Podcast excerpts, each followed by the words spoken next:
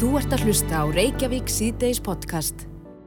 Jæja, Reykjavík síðdeis, þeir voru margir sem að reyndu á sama tíma að fara inn á lotto appi sitt í gær. Ég var einn af þeim til þess að reyna að sjá hvort að stóri vinningur hefur komið á miðan. Já, fyrsta sem mér dætti í hug var að senda þér skilabóð og spyrja vannst þú? Já, Því ég vissi að það ætlaði að vinna. já ég, ég var búin að ákveða það. En það gekk ekki alveg. Ekki þetta sinn. Nei, en það var einhver uh, íslenskur þáttakandi í Víkingalotto Já, sem vann hvorki meira nefnina en 1 miljard 270 miljónir 806.970 krónur. já, til að hafa það mjög nákvæmt. Er mjög nákvæmt. En uh, á línunni er maður sem að veit miklu meir um þetta mál heldur en við, Pétur Happ Sigursson, upplýsingaföldrú hjá Lotto, sæl. Sælublessuðar og sælublessu. Þetta er í fyrsta sinn sem að svona stór vinningur kemur hingað heim. Já, þetta er í fyrsta sinn og þetta er eh, langstæsti vinningur sem hefur búrist hingað til lands og, og, og, og langstæsti vinningur sem hefur unnist í, í hattrætti á Íslandi. Já, er, ertu búin að ná í mannin? Já, það er búin að ná í hann og hann er búin að koma til okkar og, og, eh, og eh, það er búin að spjalla við hann og við gerum það ljóst hvernig þetta fer, fer fram alls saman. Va- Var hann búin að átta sig á því þegar hann fekk símtalið að hann var vinningsafinn? Já, hann átti að sjá því í gerðkvöldi. Það kemur hér fram í fréttum að þetta er fjölskyldufæðar að færtu saldra á höfuborgarsvæðinu og greinilega mjög stóískur maður vegna þess að um leið og hann, hann eh, komst að því, hann hefði unnið að þá fór hann í góðan göngutúr áður en hann sagði konu sinni frá. Já, já. Menn bregðast við á ymsan hátt, þetta er, þetta er eina fyrir til dæmis. Ég Já. veit ekki hvernig ég myndi bregðast í, sko, en, en, en, hérna, en þetta er eina fyrir. Já, hvernig virkaði hann svona þegar hann kíkti til ykkar? Rólegur?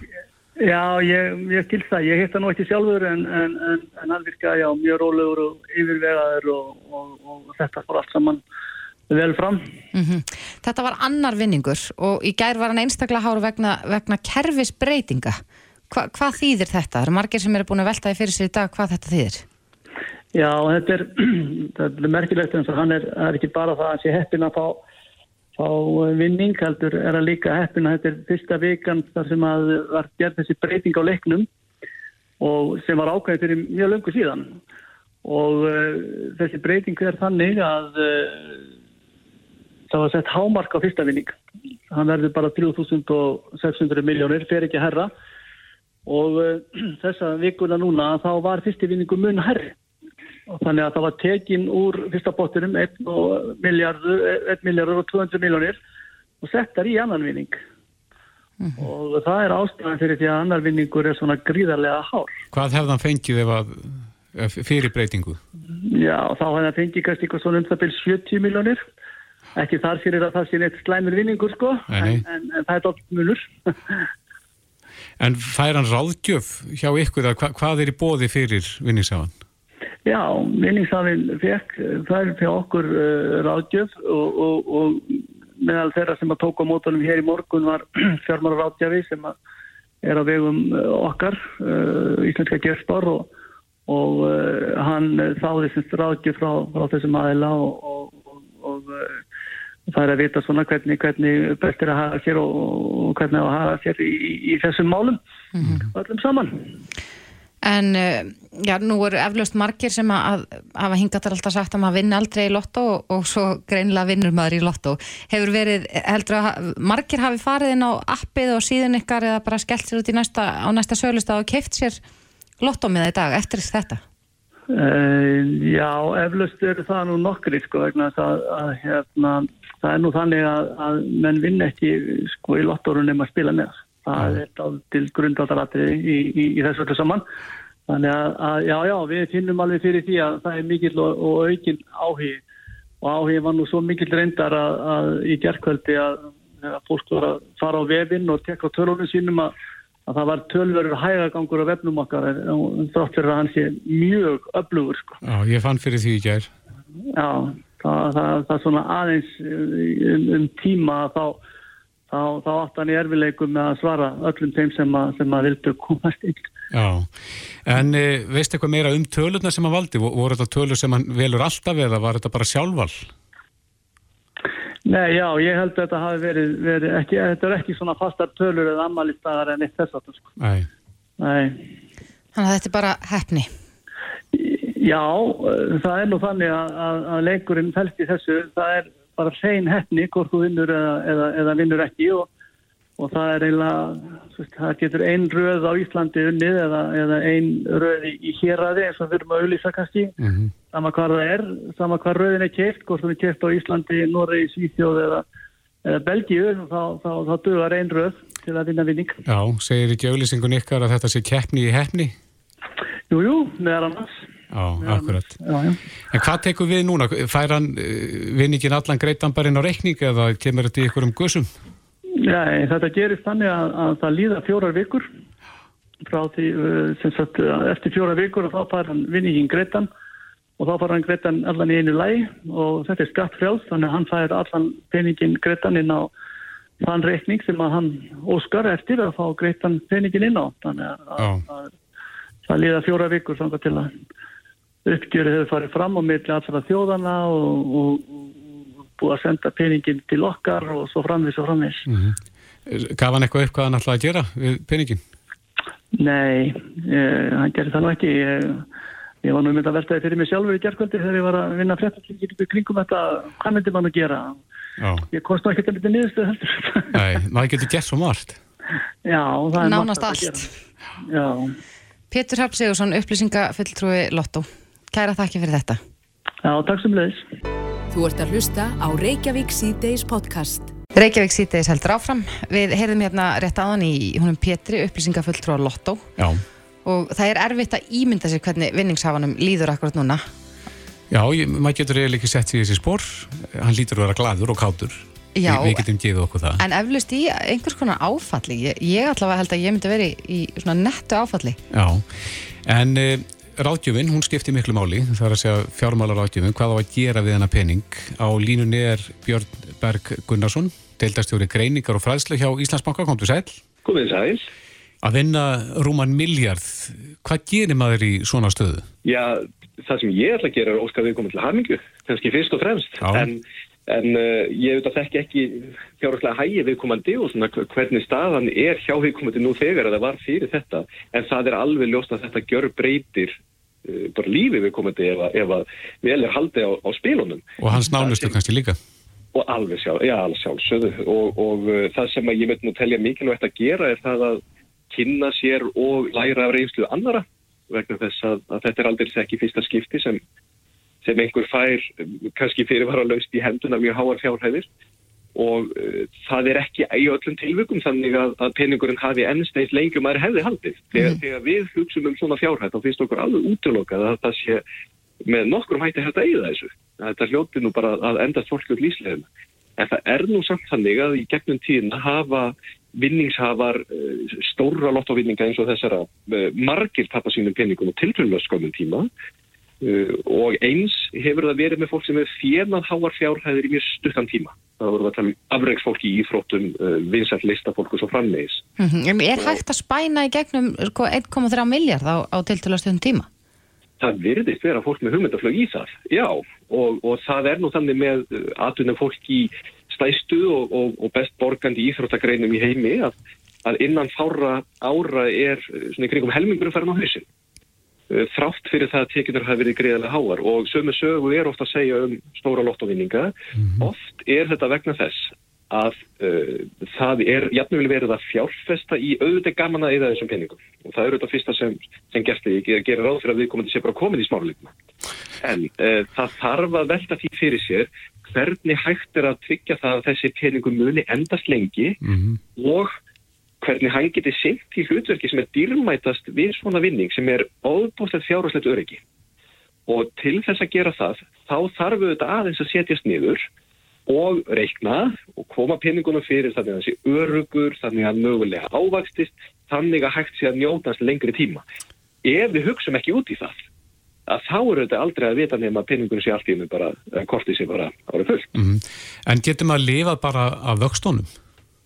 Já, það eru þetta fjármarki sem gera það eh, sem að hafa fengi stóran arf eða, eða e, fengi háa fjárhæðir í, í vasan. Það er erfiðara núna, vextir eru mjög lágir þannig að mm -hmm. til þess að sækja vexti að þá þarf ofta að, að eh, leita í örlíti áhættu meiri fjárfestingar eða eins og vel flestir gera sem eru í þessari stöðu að stilla upp og búið til gott ygnasatt.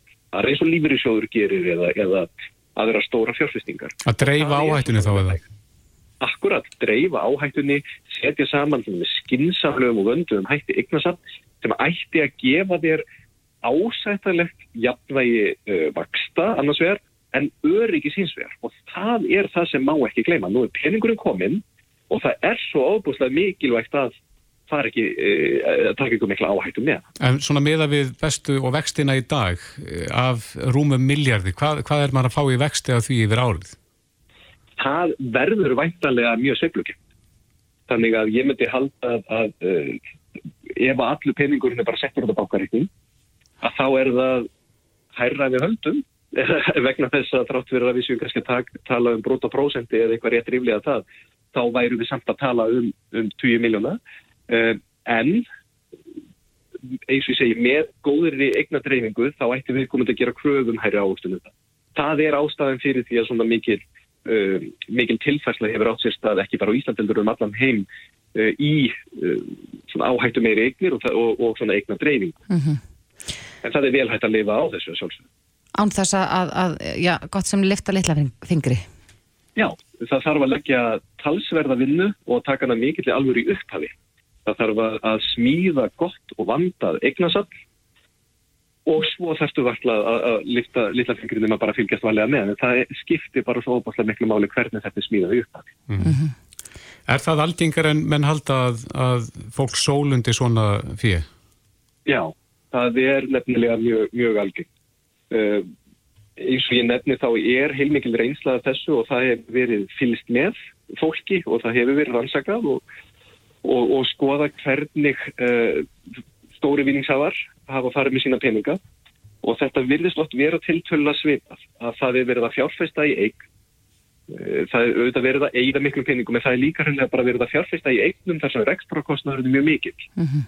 og rekstrakostnaðurinn verður meiri enn sem nefnir tekjum sem við komandi hefur. Margir auðvitað hægt að vinna eða er að fá til til að lága vexti. Og þá verður það þannig að það bara lekur úr þessum sjóði. Og það lekur vinningurinn hann bara minkar og minkar og minkar. Hvers slags eignir eru það, Björn? Það geta til dæmis verið mjög dýrar fastegnir. Það geta verið uh, fjárfestingar sem eru kannski ekki mjög vandaðar. Mm -hmm. Við sjáum það oft með íþróttafólk, það er kannski verið að styðja við félaga sína eða ættingja í, í dýrum fjárfestingum. Uh, það eru bátar og flugvelar og dýri bílar og, og slíkt og, og það þegar, og þetta var starfsfólk og þar fremdi göttunum mm -hmm. og hárekstrarkostnaður, hann vegur ákaflega þú þegar svona peningur á að endast í ára tví og þá er mikilvægt að reikna þetta í hilsin í upphafi og passa sérstaklega upp á það að nú verði ekki farið í einhverja vekkferð sem skilamanni á sama stað og NBA-leikmaðurinn sem stendur upp í snauður fimm árum eftir að hann hættir í, í deildinu og var á toppi heimsins. Akkurat. Já, þegar við heyrðum þess að fréttir í gerð þá held ég að lang flestir hafi byrjað að láta hugan reyka og hvað myndir maður gera fyrst? Hvað myndir þú gera fyrst, Björn? Uh, ég myndi greiða mjög lán en það er bara því ég er svo leðlur nei, nei, ég, ég, ég hugsa eins og ég segja, það dýrmætast sem við getum gert við mikla peninga það er það að vera örug og að kaupa okkur öryggi með þeim og það að greiða mjög lán og losa sig við alltaf skuldir það auðvitað dregur alveg gríðarlega mikið og rættir áhættunni varandar okkar daglegu heimilisfjármál. Já, það er besta fjárfæstingin. Það er mínu mati hérna, besta fjárfæstingin, svo getur vel verið að maður myndir bara kaupa eitthvað fókbóltalið, ég veit það ekki, en hérna, það væri nú, það, það þurfti kannski að vera aðeins meiri peningur en þetta. Já. En nei, nei, ég held að fyrsta, fyrsta sem að maður myndi gera væri einmitt þetta, að, að eftir að maður er búin að fara og, og hérna, kaupa sér PlayStation 5 og fara í smáralinda, þá færi maður að greiða þau skuldir og settist svo niður með sérfræðingi og, og passaði upp á að, að þessi, þessar eignir verði, verði eins drúar og mikilvægar og gaglegar og skemmtilegar og þær geta smektur. Þetta hljómar skinsanlega. Björn Berg Gunnarsson, deildastjóri greiningar og fræðslu hjá Íslandsbónka. Kæra þakki fyrir. Takk fyrir kærlega. Hlustaðu hvena sem er á Reykjavík C-Days podcast. Við gangum hér til fundar við Flósa Eiríksson, frangotastjóra starfskreiningarsambansins en Uh, undanfarin ár getur maður sagt uh, kannski út af uh, því vinnaafli sem að hinga kemur frá, frá útlöndum. Það, haf, hef, það er aðstæður sem að, að það vinnuafl hefur búið við, það hefur nú oft lend í, í réttarsölum. Það er að segja þáks ég þá að það sé haft eftirlit með þessu þannig að það sé hægt að fara með fólki eins og skefnur en ég hjó eftir því í fréttum flósi í gær og fyrir gefur ég er ekki alveg með, með tungutækið á þessu alveg á hreinu en, en það er maður sem fær skilósbundin dóm fyrir það að hafa hýst eh, að mér skilst eh, vinnuafl eh, innlenda erlend, veit ekki. En það voru einhverjir svefn skápar sem hann ætlaði þeim náttstað sem það átti hlut og fekk já eins og ég segi skilórspundin dóm og, og, og svona ekkert meira með það svona rétt eins og bara ups, þetta var frekar óheppilegt en e, þetta heldur áfram og er þetta orðið algengt þessar Þessar ólefis íbúðir halda áfram og þær eru algengar og þær hafa verið lengi og, og, og, og við höfum sem samfélag oft svona hort leppin fyrir auga í því efni. Það eru rannsóknir sem sína að það séu okkur að 57.000 manns sem, sem bú í slikum íbúðum, þær eru svona 1500-2000 sem því að það eru 3-4 í hverju íbúð, þeir búa þröngt. Uh, þessi aðili þarna upp á höfða, hann innreitaði svona svefn skápa næstu því að svona japansku mikrostíl úr crossfit og uh, brunavarnar allar í ólestri ramagniði í ólestri náttúrulega allt í óleifi svo leiðis að það var, það var, það var svona bara eins og uppstilling að dauða gildri ef eitthvað kæmi til slökkuleiði segði það í þessum málaferlum þeir hefðu ekki séð annað eins í, í 30 ára ferli sínum var haft eftir einum á slökkuleismannunum uh, og það sem eigandin bar fyrir sig að þetta hefði nú verið svona bráðabyrjulegst þeir voru samt búin að vera hann í ykkur að þrjá mánuði og það var ennþá verið að fjölga skápunum. En megin vörn hans fólstíði hann hefði ekki hagnast mikið á þessu. Hann hefði ekki hagnast á þessu sérstaklega þá peningarlega þetta var náttúrulega veist, og þarna er hann svo ákærður eftir rannsókslökuninu og lögurlins fyrir að stopna lífi og hilsu starfsmann í hættu eða fólks í hættu. Og, og því bara fagna því það er í fyrsta skipti held ég sem það er gert. Mm. uh, en svo fællir dómur í gær og, og hann er dæmdur og, og ég sá menn fagni því að það sé svona eh, fordæmisgefand og allt það en hann er ekki dæmdur til neins. Hann er dæmdur í skilasbundi fangilsi það er svona svolítið eins og slá á putan á hann og jú, hann er dæmdur til að borga málsvarnalögnu på miljónkall svo lýsa sá sem varðan í þessu fær seina miljón en þessi 24-5 eða hvað er voru nú margir að því hann var ekki viss um það mm. þeir fengi ekki krónu, hann borgar engar sektir og hann ber ekkit annað tjón af þessu. Að stopna þarna fjöldafólks í bráða lífsættu og, og maður bara, ég var bara svo reyður þegar ég sá þetta að, að, að ég finnst að, lífs, að stopna fólki lífsættu sé, lífsætti er ekki verið að skiljóspundin og ég held að hluta af þessu sé og við sjáum það í öðrum slíkum uh, málum sé að þetta eru mestuleiti fólk, erlend fólk. Og við svona leifum þessu viðgangast í okkar samfélagi að því að, að þessir félagar okkar og þetta eru, þetta eru okkar fólk og er að vinna hér á íslensku vinnumarkaði. Að því það er fætt eitthvað staðar annar staðar en í Reykjavík eða Kópavói eða Kópaskeri þá megi koma svona fram við þá. Og mér fannst þessi dómur mikil vombriði þó að eftirlitið og ákjærun og allt það sé gott og og vonandi er verið að taka á þessu í kjálfari þessar hæðilega bruna í júni fyrra á Bræðarbókastingnum þá voru settu starfsópa sem alltaf sambandi átti fulltrú í og við erum svona að þoka þessum málum en okkur finnst það ganga hægt mm.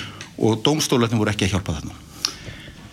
Eh, Maður svona kannski finnur líktina því að, að þetta er valla viðhaft ef að hlutættu landar okkar, Íslendingar, innfættir eh, ég veit ekki er, er, það er alltaf verið tilfinningin. Ég held að það sé alveg rétt tilfinning hjá þér. Við sjáum reyndar ótrúlega aðstöðustundum í vinnubúðum og aðstöðu viða, sérstaklega ferðarþjónust út á landi fyrir hvort sem þeir eru erlendir eða íslenskir starfsmenn sem ég held að við myndum fæst ekki láta bjóða okkur mm. og þetta er, þetta er viðvarandi barátt að tryggja almenningi viðunandi húsnæði mm. það er eitt af megin verkefnum verkefnisreifingarinnar og hefur trúlega verið eitt af hennar megin verkefnum alla tíð, alla þessa og síðustu öll og, og lengur. Já, þú, þú nefnir allt upp í 7000 mann sem að e, þess, þess, konar húsnaði sem að þú talar um e, er fyrir það fólk? Já, það er eitthvað svoleiðis og, og, og, og auðvitað er erfitt að kortleggja þetta því þetta er uh, fólk sem er kannski á lágum launum, uh, það er oft í húsnaði sem vinnuveitandin skaffar því, það þorir ekki að koma fram að því það býr óleifi eitthvað staðar og það fær kannski ekkert annað húsnaði, svoleiðis að, að það, eru, það er, getur verið erfitt að kortleggja þetta og við veitum þetta ekki nógu vel og, og auðvitað er það slökkulega verið að reyna að, að, og við höfum verið að reyna aðstofið það að að fara yfir þetta með tillit til brunavarna og, og gera ekki aðtúasemtir sko þó húsnaði sé í óleif í raun og veru. Þeir vilja bara vita hvernig er þetta innréttað mm. þegar það kviknar í að því það er ekki á tegningunni þannig að við getum komið og, og, og bjarga því sem bjarga verður. Mm. en við sáum það til dæmis í brunagildurinn og bræðarbókastíg það duði ekki til. Þar byggu einhverju hluta vegna þjóðskrá 70 og eitthvað manniskur í því húsi svo að það er víða pottur brotin í þessu kerfi. Og auðvitað eigum við og þurfum líka styrkja bara svona í félagslega húsnæðiskerfi til þess að, að, að, að þessir möguleikar gefist ekki. Og maður er að heyra ótrúlega tölur menn er að borga 50, 60, 70 skatt fyrir rúmi í einhverjum skápum. Ótrúlegt. Flossi Eiríksson, frangandastjóri Stafskriðnarsambansins, takk hjá lefið þetta. Takk. Reykjavík síðdeis á bylginni Reykjavík sítiðis heldur áfram. Eh, það barast fréttir eftir í dag að ný engareikin skimunastöð fyrir COVID-19 hefur verið opnið í Reykjanesbæ. Já, við leifstu þá? Já, bara rétt hjá. Mm -hmm. En þetta er sérstaklega hugsað fyrir ferðamenn sem þurfa að fara í sínatöku. Við þekkjum það að, að það þarf að framvísa þessum PCR-prófum mm -hmm. og eh, en kannski nýjungin í þessu er, er svo að það, það verða notað skyndipróf sem gefa niðurstöðu á 15 mínútum Jaha.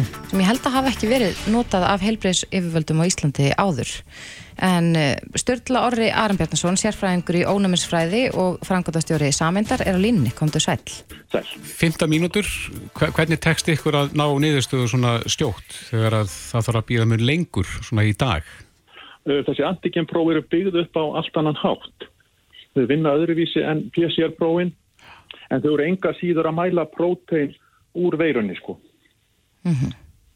Er, er, þetta, er þetta stílað, sagt, þið voruð að opna þetta, er, er þið sérstaklega að hugað Íslandingum sem er að fara erlendis eða erlendi ferðamenn sem að uh, er að fara híðan úr landi?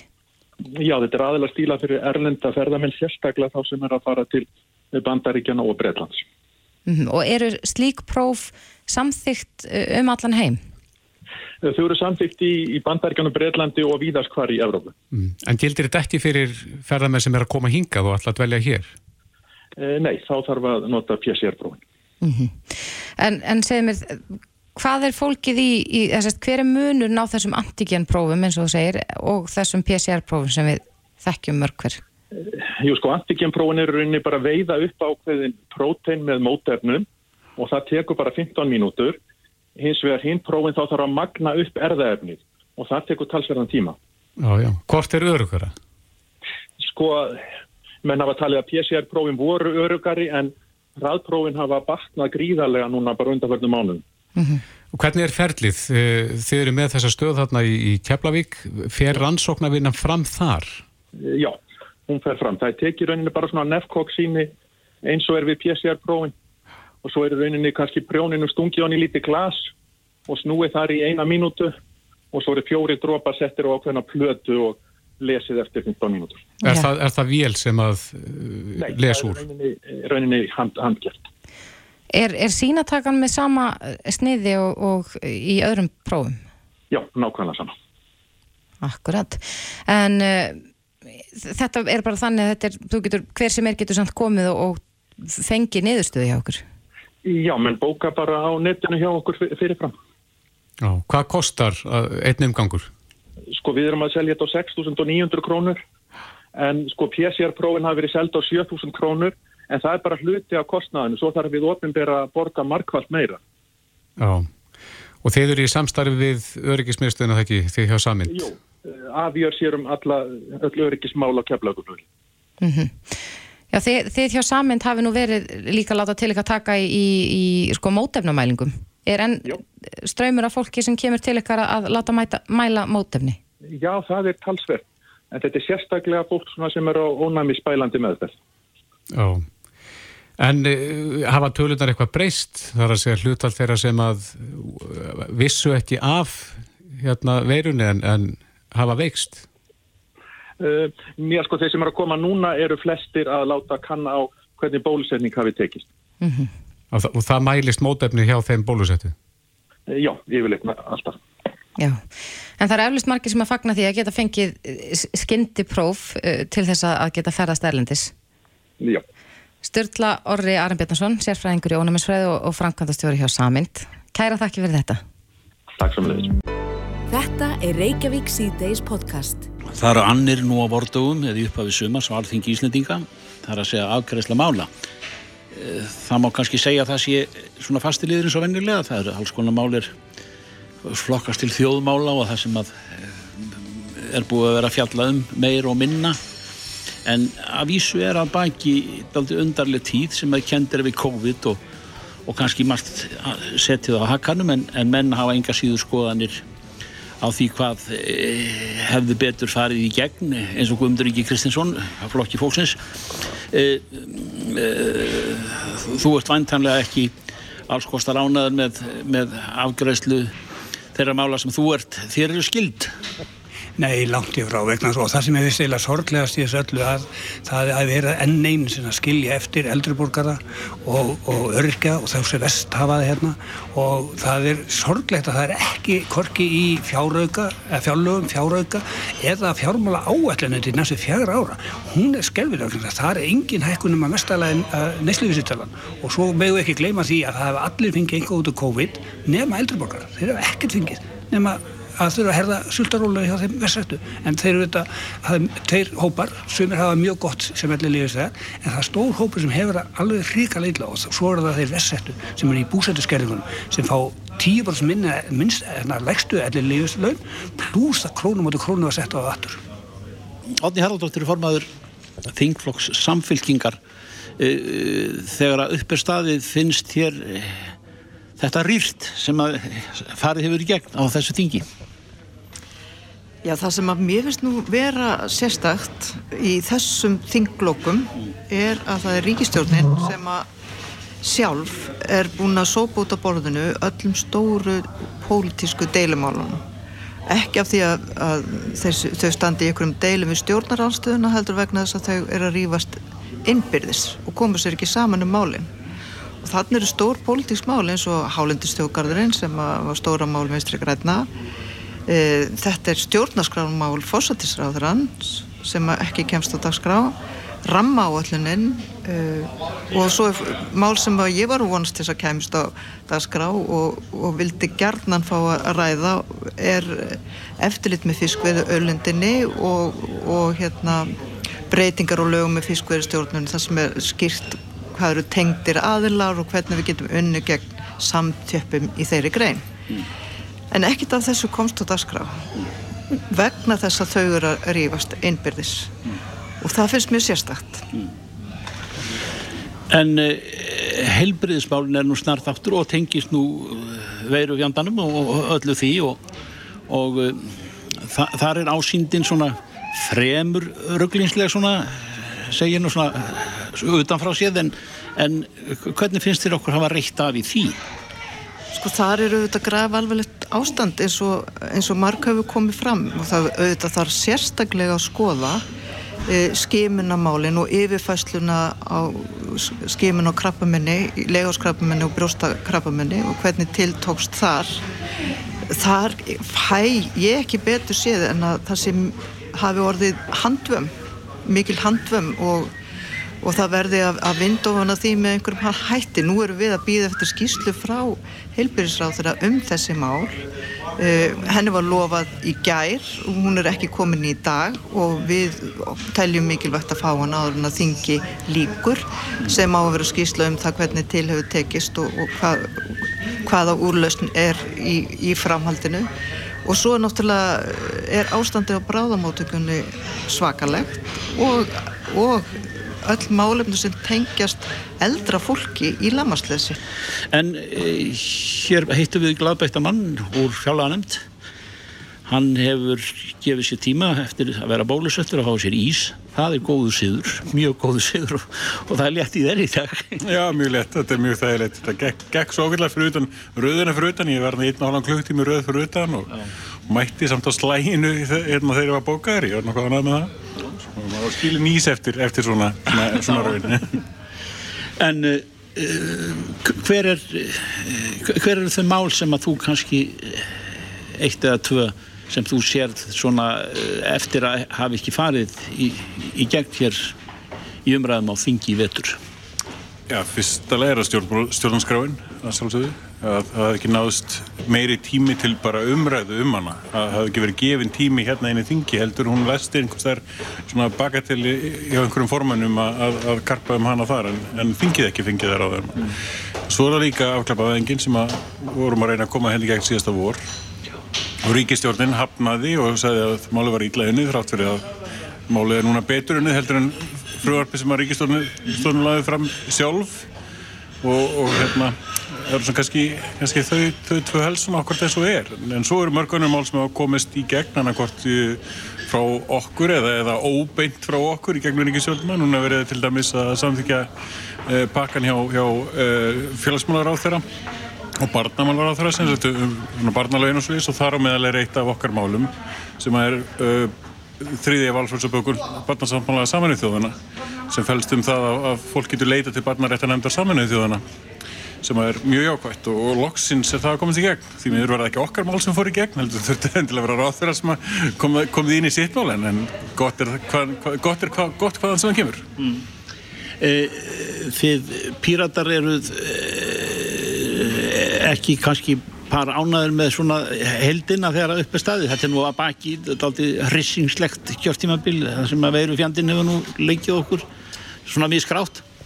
Já, það hefði búið að vera voðaleg svona, hvað maður að segja stöðunun hérna í gangi það er lægsti samnefnarin sem að kemst í gegn í öllu ég held að þetta er alveg stert í, í þessu, á þessu, þessu þingi þannig að hérna Nei, það er ekki mikið um framfærir og við kannski söknum þess helst. Það eru mörg tækifæri sem að, sem að liggja fyrir okkur sem voru ekki tekinn, voru ekki gripinn mm. bara af því að fólk kannski þorði ekki að stíga þau skref af því að að virkar nú einlega sem þannig.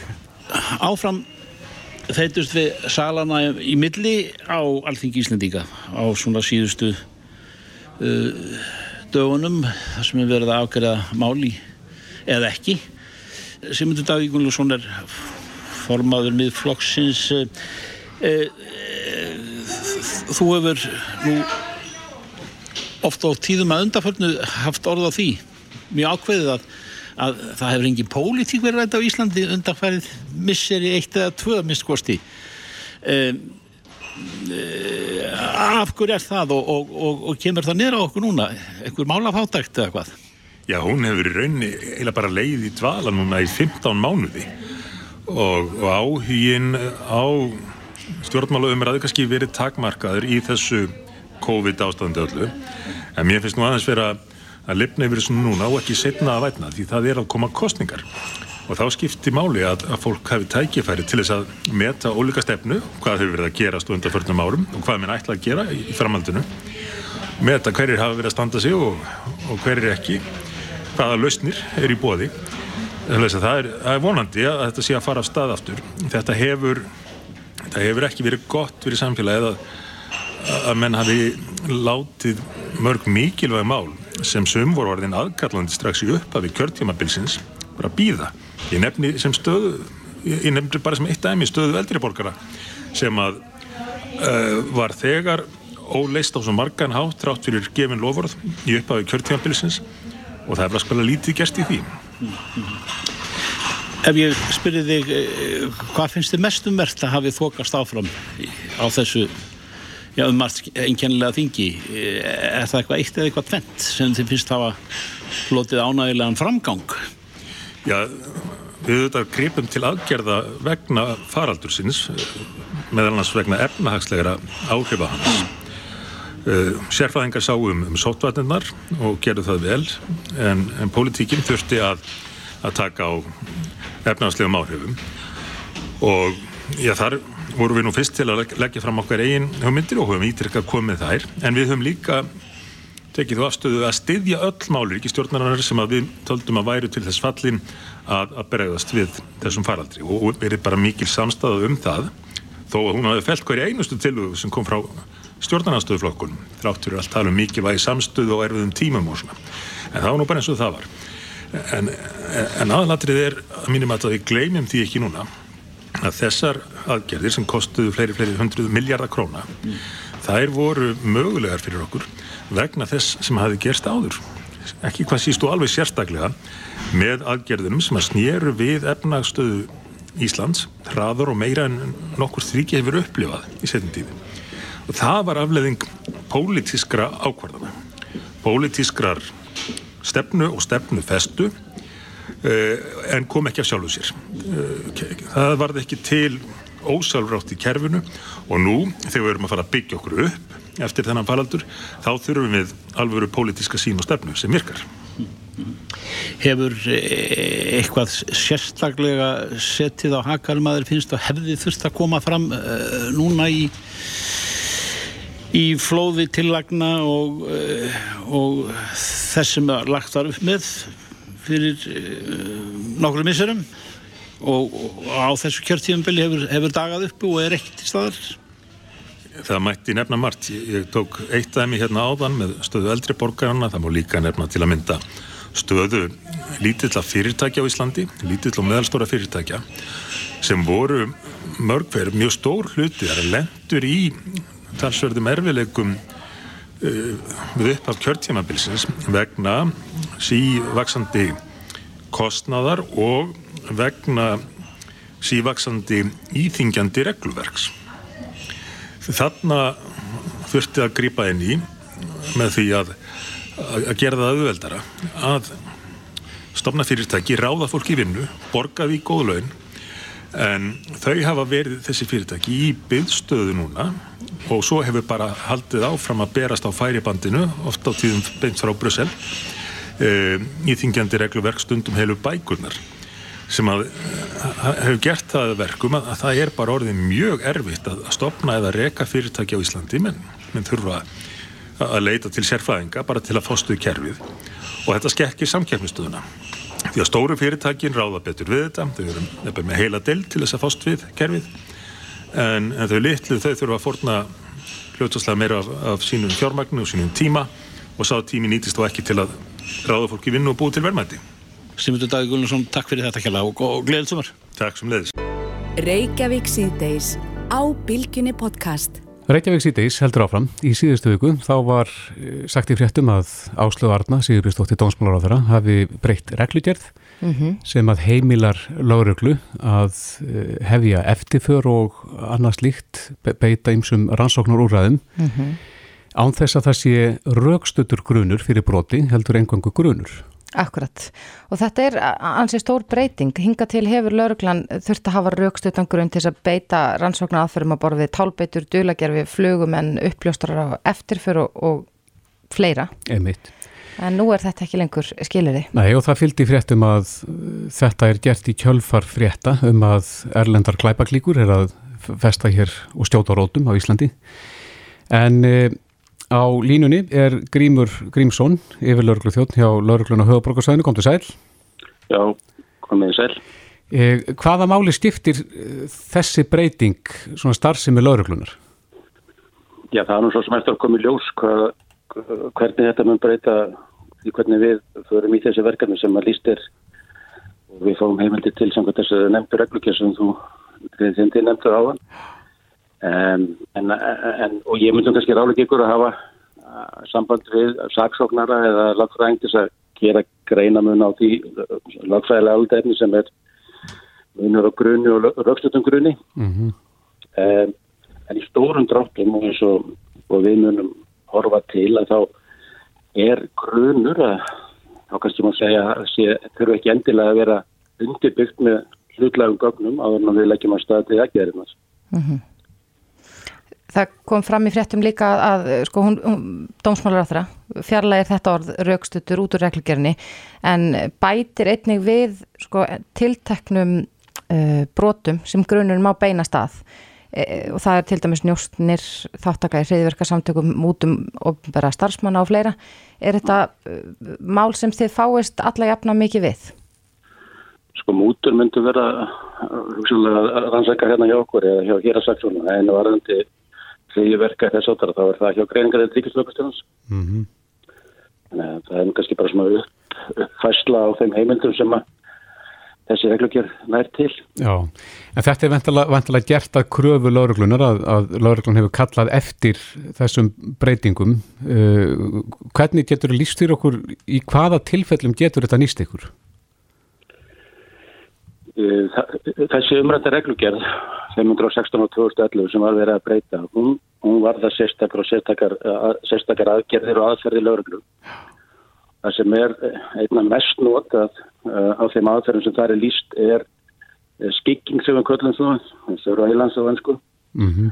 um, og, og það er þá munurinn sá að, að við þurfum ekki að hafa raukstutan grunn, við þurfum ekki að grunn að tiltekið afbrót á þurfum að lagt er af stað í slíka um, aðgerð.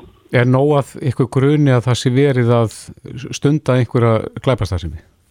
Já, undirbúa til dæmis einhvers konar um, einhvers konar þessu verða haft sem. Mm -hmm. Getur þetta skipt máli í, í, í málum sko þar sem að þið hafi fengið ábendingu um mögulega lögbrota að þá geti ráðist beint í verknæðina að, að já, veita viðkomandi eftirfyrir að fylgjast með? Jú, það er einmitt þannig. Við gætum, við gætum hafið notkun þessara úrræða uh, af því að við fengið upplýsingar um það frá upplýsingagjafa eða, eða borgara mm -hmm. án þess kannski að það væri uh, raukstutu grunnur eins og Þurfti slíkt að fara í eitthvað eitthva ferli segjum sem svo að það hafi verið grunur og sem að þeim mögulega gáttu raukstutt með einhverjum gögnum þurfti að fá heimild fyrir slíkum um, aðgerðum? Varðandi þau úrræði sem að nefndir þessar reglugjara þá þarf ekki úrskur fyrir þið. En þurfti þess áður? Nei. Nei. Munum er bara að sá að það er raukstutu grunur og nú grunur. En, svo, svo til dæmis bara úrræði eins og tiltækin er ansvognar úrræði sem tiltækin eru eins og handtak, eins og hérna að hlusta síma eða fara í húsleitt þess að það er, það, það er engin breyting þar á og þar er úrskur dómar til þess að lögur geti ráðast í slíkar aðgerðis. Mm -hmm. Sér þið fyrir Grímur þetta muni, muni já, auðveldi ykkur rannsókn mála eða breyta miklu svona í stóra samingunni? Nei, satt að segja held ég að það gera það ekki en, en þetta er hins vegar þannig að við getum hafið til dæmis eh, að fylgjast með fólki, hafist á aðgerð að fylgjast með fólki án þess að það er líkið fyrir rögtutu grunnu, heldur það er, er grunur næjan, einfaldu grunur. Já, ef að þið ráðist í svona aðgerðir og ekkert kemur út úr því, eh, látið þið viðkomandi vita að, að fylgstæði verið með honum? E, e, já, og það er þannig að, að, að ríkisaksóknir hefur líka eftir eitt skildur varandi þessu, notkun þessu úrreðis. Já. Er, er þá látið vita með brefi eða? Það er, líkur ekki fyrir einn svona, hvað ég segja, krafa um það hvernig, hvernig tilkynnt er. Við getum tilkynnta með brefi eða, eða símtali. Uh mhm. -huh. Og hvernig bregst fólk við slíku? Það er samt. Já, akkurat. En það er eitthvað skild að láta vita? Já. Já. Já, Grímur Grímsson, yfir lauruglu þjótt hjá lauruglun og höfuborgarsæðinu. Kæra þakki fyrir þetta. Já, bestu þakkir. Bless, bless. Reykjavík síðdeis á Bilginni podcast. Reykjavík síðdeis á Bilginni heldur áfram. Mm -hmm. Að uh, undanfarin ár hefur verið svona meir og meiri umræða um falsfrettir. Já. Og svona einhverja upplýsinga óreði sem skapast oft og, og þá hefur líka umræðan oft verið svona í kringum kostningar. Mm -hmm. Við hefum nú rætt uh, hefildamindina Social Dilemma mm -hmm. sem var mjög svona upplýsandi fyrir marga Akkurat. Hvernig samfélagsmiðlarnir virka í að miðla efni til ákveðin að hópa? Akkurat, ég sé eflaust ekki það sama á þú á, á Facebook. Nei. Ég held að það sé bara þannig að, að ég er ekki mikið í golfi þannig að, að það er ekki mikið verið að beina þannig að mér. Æmitt. En nú var fjölmiðla nefnd að gera ansi stóra könnun mm -hmm. þar sem var verið að velta þessu fyrir sér og það eru fleiri hér á landi sem segjast sjá falsfrittir heldur en uh, í Noregi, það var gert eins konun þar. Já, kannski eru normið bara ekki átt að sjá að þeim falsfrittir sé að ræða. Kannski ekki. Það getur verið. En flestir sem að svara þessari konun segjast sjá falsfrittir á Facebook og Já, við vitum það að, að sko, mjög stór partur þjóðarinnar er á Facebook. Jum. En þetta er áhugavert. Á línu hjá okkur er skúli Bræi Girdal, hann er verkefnastjóri miðlalæsis hjá fjölmiðlunemnd. Kom til sæl. Já, sælverði. Eru Íslendinga bara svona betri að meta hvað er hérna, hvað eru fake news ef við sletta þess? Já, við erum búin að rasta þessu mikið fyrir okkur hvort að við séum svona mikið miðla læsari enn normenn en ég hugsa nú að, að ástæðan sé kannski frekar svo að við séum að, að taka meirinn í reikningin þegar við erum að velta fyrir okkur falsfréttum að við séum reynlega að taka þetta inn í fréttir sem við erum ósamála uh, og annars líkt þannig að hérna, þetta sé kannski ekki endilega alltaf falsfréttir sem við erum að meta sem slíkar. Mm Hversu margir voru það sem að, sögðust hafa orðið vari við uh, falsfréttir? Sko það voru sjö á hverjum tíu sem höfðu síð falsfréttir eða fengið að sendar í, í okkar könnun. Uh, og átt á hverjum tíu sem höfðu reykist á upplýsingar og efast um að væru sannars. Mm En það kemur fram hér í, í inn á síðinu hjá ykkur að, að sko eitt þriðji þeirra sem hafa fengið svona sendt eða séð falsfréttir viðurkenna að hafa mynda sér ranga skoðun vegna villandi upplýsinga. Er það ekki akkurat hættan við þetta? Við falsfréttina sem slíkar? Það er stóra hættan við þetta. Þetta getur svolítið haft áhrif á okkar eigin skoðanir og mér finnst það líka aðtillisvert að þriðjungur sé tilbúin að viðurkenna það að það mynda sér ranga skoðun því að ég heldur sé mörg hver ekkert tilbúin að viðurkenna það að hafa gert slík mistök Mm -hmm. Þannig að ég hugsa að það séu jafnvel ennþá fleiri sem hafi myndað sér ánga skoðun eða reynlega séu bara ekki búin að átta sig á því að þeirra skoðun sé byggð á raungum upplýsingum. Mm -hmm. En hvað segir það okkur skúli að, að flestir segist að vera ekkist á falsfrettir á Facebook? Er meira um falsfrettir á Facebook en annar staðar? Ég hugsa að hluta þessu sé sá að við erum mjög mikið á Facebook, Íslandingar og við erum með þeirra þjóða sem eru hvað flestir Facebook notendur það ber að taka fram að, að náttúrulega þær falsriti sem við sjá á Facebook er ekki að koma beint frá Facebook. Inn á Facebook eru fréttir frá uh, miðlunum okkar sem við höfum á Íslandi og síðan náttúrulega frá erlendum miðlunum líka og síðan bara frá alls konar aðeinum þannig að ég hugsa að það sé stór hluti að þessu. En að sjálfsög lítum að velta fyrir sér þeirri ábyrg sem Facebook ber í þessu öllu saman sem alþjóðlegt fyrirtæki uh, það sem hefur þetta marga nótendur og hvaða reglur gildum Facebook mm -hmm. Nú fæ ég til dæmis margar vinabeinir og, og sumar af þessum vinabeinum eru frá augljósum svona gerfi profílum Já. sem er einfallega bara búinir til og maður veldi fyrir sér sko af hverju er við að búa til gerfi profíla er það hugsanlega til þess að, að dreifa einhver, einhvers konar áróðri eða, eða gerfi fréttum? Já, algjörlega. Og það sem maður veldi fyrir sig líka í þessu er að við erum nokkuð heppin kannski hérna á Íslandi að, að oft getum að lesa í gegnum að þetta að þetta er á svo opbóstlega slemri íslensku þessi netsvind sem verður að sjá. Uh, en þróunin verður náttúrulega það átt og þetta verður alltaf betra og betra og erfiðar að greina hafa milli. En, en þarna eru náttúrulega verið að blekja til þess að já, hafa okkur pening eða upplýsingar eða einhverjum annarlegum tilgangi. Og og við sem neytendur við stöndum svolítið frammi fyrir því að við höfum í raun minnstu upplýsingarnar mm -hmm. þeir sem er að dreifa þessu þeir hafa tækin og tólinn og, og, og það eru tólinn svo alls konar algoritmar og, og djúbfalsanir og það að ég sé ekki að sama Facebook og einhver annar það er verið að personu snýða og klæðskera sauma upplýsingar að mér út frá þeim upplýsingum sem eru til inn á samfélagsmiðlum. Mm -hmm. Nú stýttist í kostningar er verið að nota og dreifa svona falsfréttum í tengslum við kostningar svona til að hafa áhrif á og móta skoðanir, pólitíska skoðanir fólks?